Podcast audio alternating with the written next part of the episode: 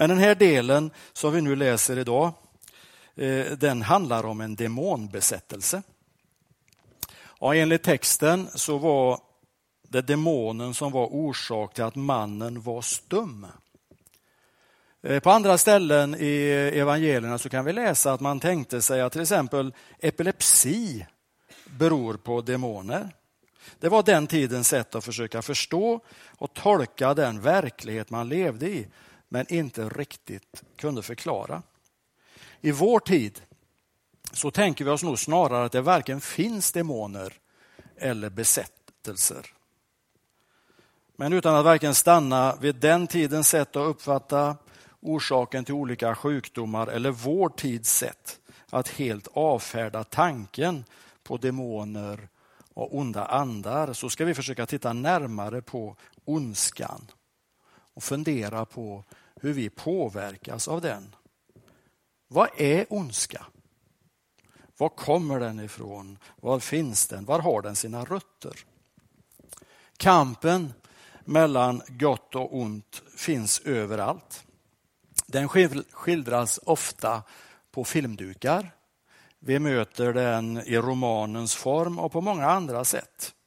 Och när vi ser det på det sättet då är det ofta ganska lätt att veta vilka som är de goda och vilka som är de onda. Eh, det märker man på dräkten. Och där ser man att kanske att de onda inte i första hand så mycket är ute efter att skada de goda. Utan det är väl snarare det att de är helt fokuserade på sitt eget bästa.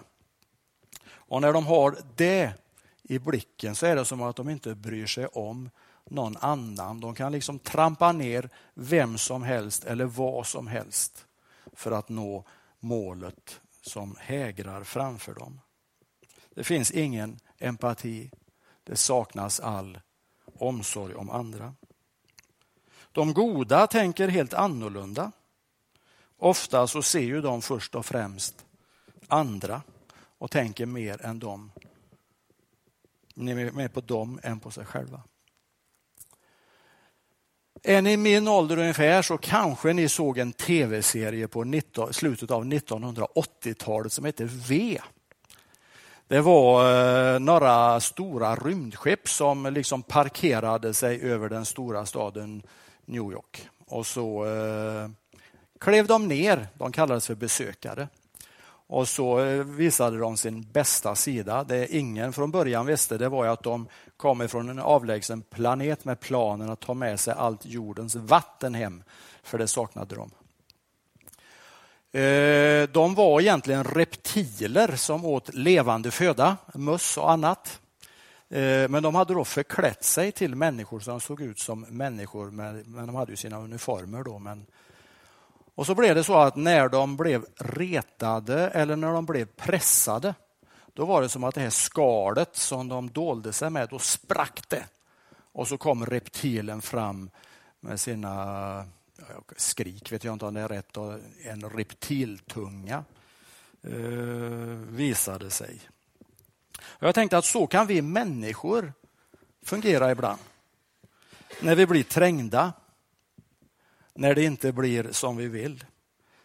När någon som vi inte alls gillar eller som vi har svårt för har en åsikt om hur jag ska göra till exempel.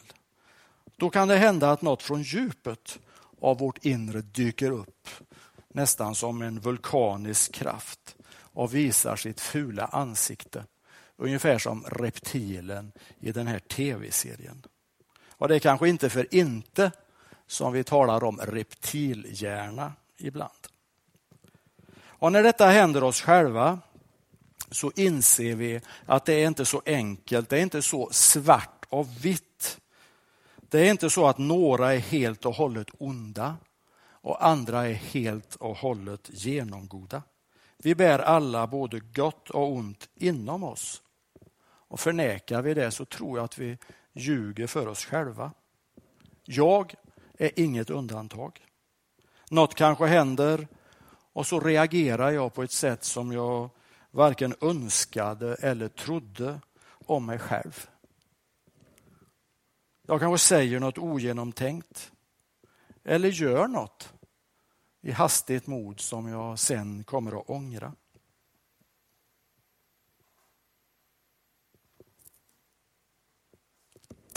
Ja, jag berättar, nej jag tar inte det nu. Det, det som tittar fram eh, inom oss då och eh, ger sig till känna, det är något som jag vill att det, jag vill ju inte att det ska finnas i mina tankar. Jag vill inte att det ska finnas inom mig. I texten vi läste så handlar det om en demon som drevs ut. Och Det grekiska ordet för demon betecknar oftast skadegörande andliga väsen som man föreställde sig tog människor i besittning. Så talas det om ondskan här. Jesus han är ju annorlunda, han tar inte människor i besittning. Jesus kommer istället med ett erbjudande. Han bjuder in oss till gemenskap med sig. Och om vi öppnar dörren till vårt inre så vill han flytta in och vara med oss genom sin ande. Vi är nu mitt inne i fastan och kanske är det några av oss som fastar på något sätt. Och gör vi det så avstår ju vi från något. Men poängen med fastan är att den ska hjälpa oss att fokusera på Jesus. Vi tar bort vissa saker för att fylla på med annat. I senare delen av den här texten från Lukas så talas det om en oren ande som lämnar en människa. Men så hittar den ingen annan plats att vara på. Då tar han med sig sju kompisar som alla är värre än han själv och så flyttar de in hos människan och så blir slutet värre, säger Jesus, än början. Det finns en god, det finns en ond sida. Att följa Jesus handlar ju mycket om att vilja stå på den goda sidan. Eller kanske snarare att välja att stå på den goda sidan. Att medvetet ställa sig på den goda sidan. Jesus pekar på ett sätt att leva där man inte sätter sina egna intressen i första rummet. Och Det har jag sagt så ofta så jag tänkte nästan jag skulle låta bli, men jag tänkte jag kan inte. I det sättet att leva så sätter man Jesus i centrum. Då blir man själv som ett redskap som Jesus kan använda i mötet med människor. Han vill använda dina gåvor, dina ägodelar, din ekonomi för att kunna hjälpa andra som har det svårt. Han vill använda din tid, din omsorg och din värme för att möta människor som är ensamma och håglösa. I texten läser vi om en demon som gör en människa stum. Vad är det som får mig att tiga? Vad är det som gör att jag ibland kan se orättvisor? Att jag kan höra någon uttala sig nedvärderande om andra eller bära sig illa åt mot människor utan att jag reagerar. Varför ställer jag mig inte tydligt på den goda sidan och säger ifrån? Vad är det för krafter som påverkar mig och styr mitt handlande åt fel håll mot vad jag vill?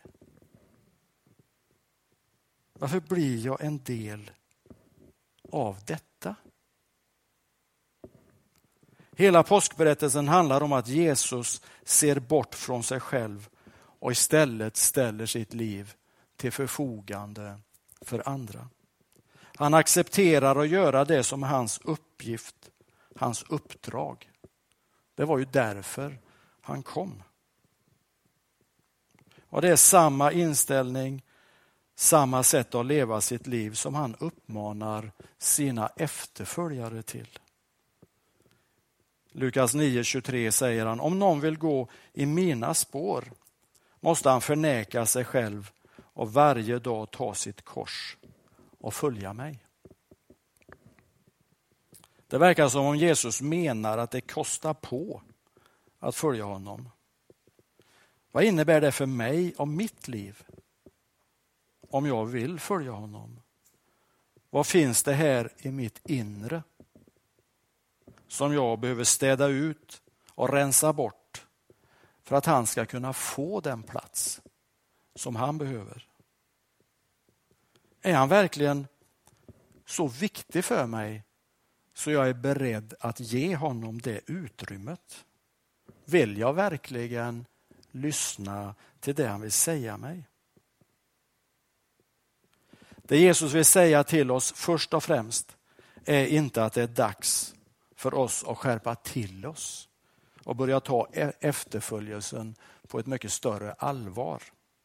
Han är inte ute efter att framföra sitt missnöje över oss.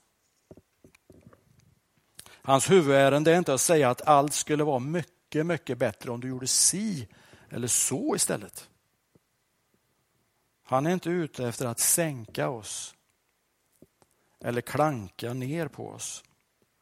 Men hans huvudärende är inte heller att berätta hur bra och fantastiskt duktiga vi är. Det han vill att du ska förstå är hur mycket han älskar dig. Hur dyrbar du är för honom. I hans närhet växer människor och får friskt syre. Och han vill ge ditt inre näring så att din tro och din tillit till honom kan fortsätta att växa sig stark och bli synlig i ditt liv. Med detta sagt så är det ju inte så att det inte finns saker i våra liv som behöver förändras. Det finns mycket som kunde och kanske borde vara annorlunda. Men du är älskad som den du är. Det är viktigt. att Komma ihåg. Den här kampen mellan ont och gott. Om du känner dig osäker på vilken sida du står så kan du fråga dig själv.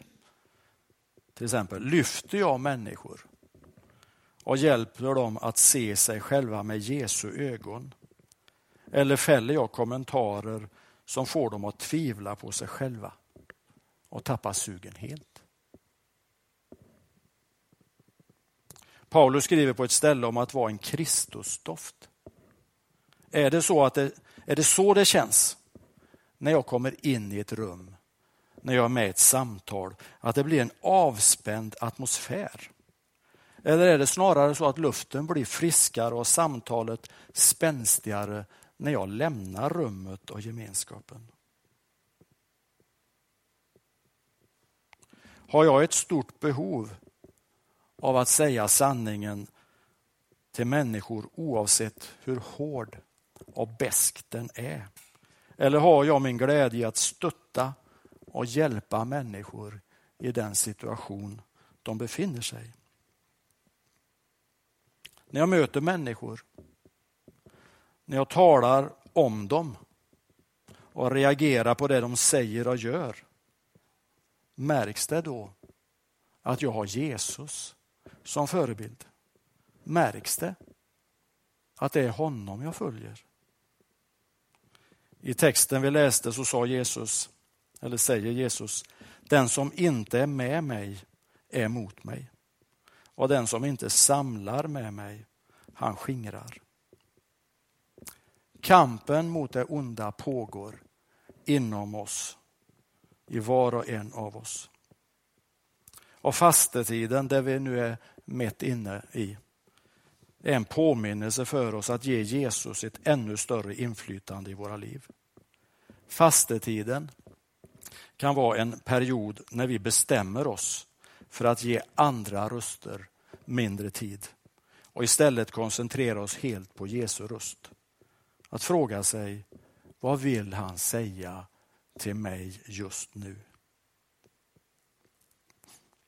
Så här inleddes episteltexten vi hörde. Ta alltså Gud till föredöme som hans älskade barn. Lev i kärlek så som Kristus har älskat oss och utlämnat sig själv för vår skull som en offergåva. Ett välluktande offer åt Gud. Låt oss be. Herre, vi ber dig för oss själva. Hjälp oss att våga stå på din sida. Att våga stå på den goda sidan även när, vi, när det känns riktigt jobbigt. Fyll oss med din ande. Led oss. Amen.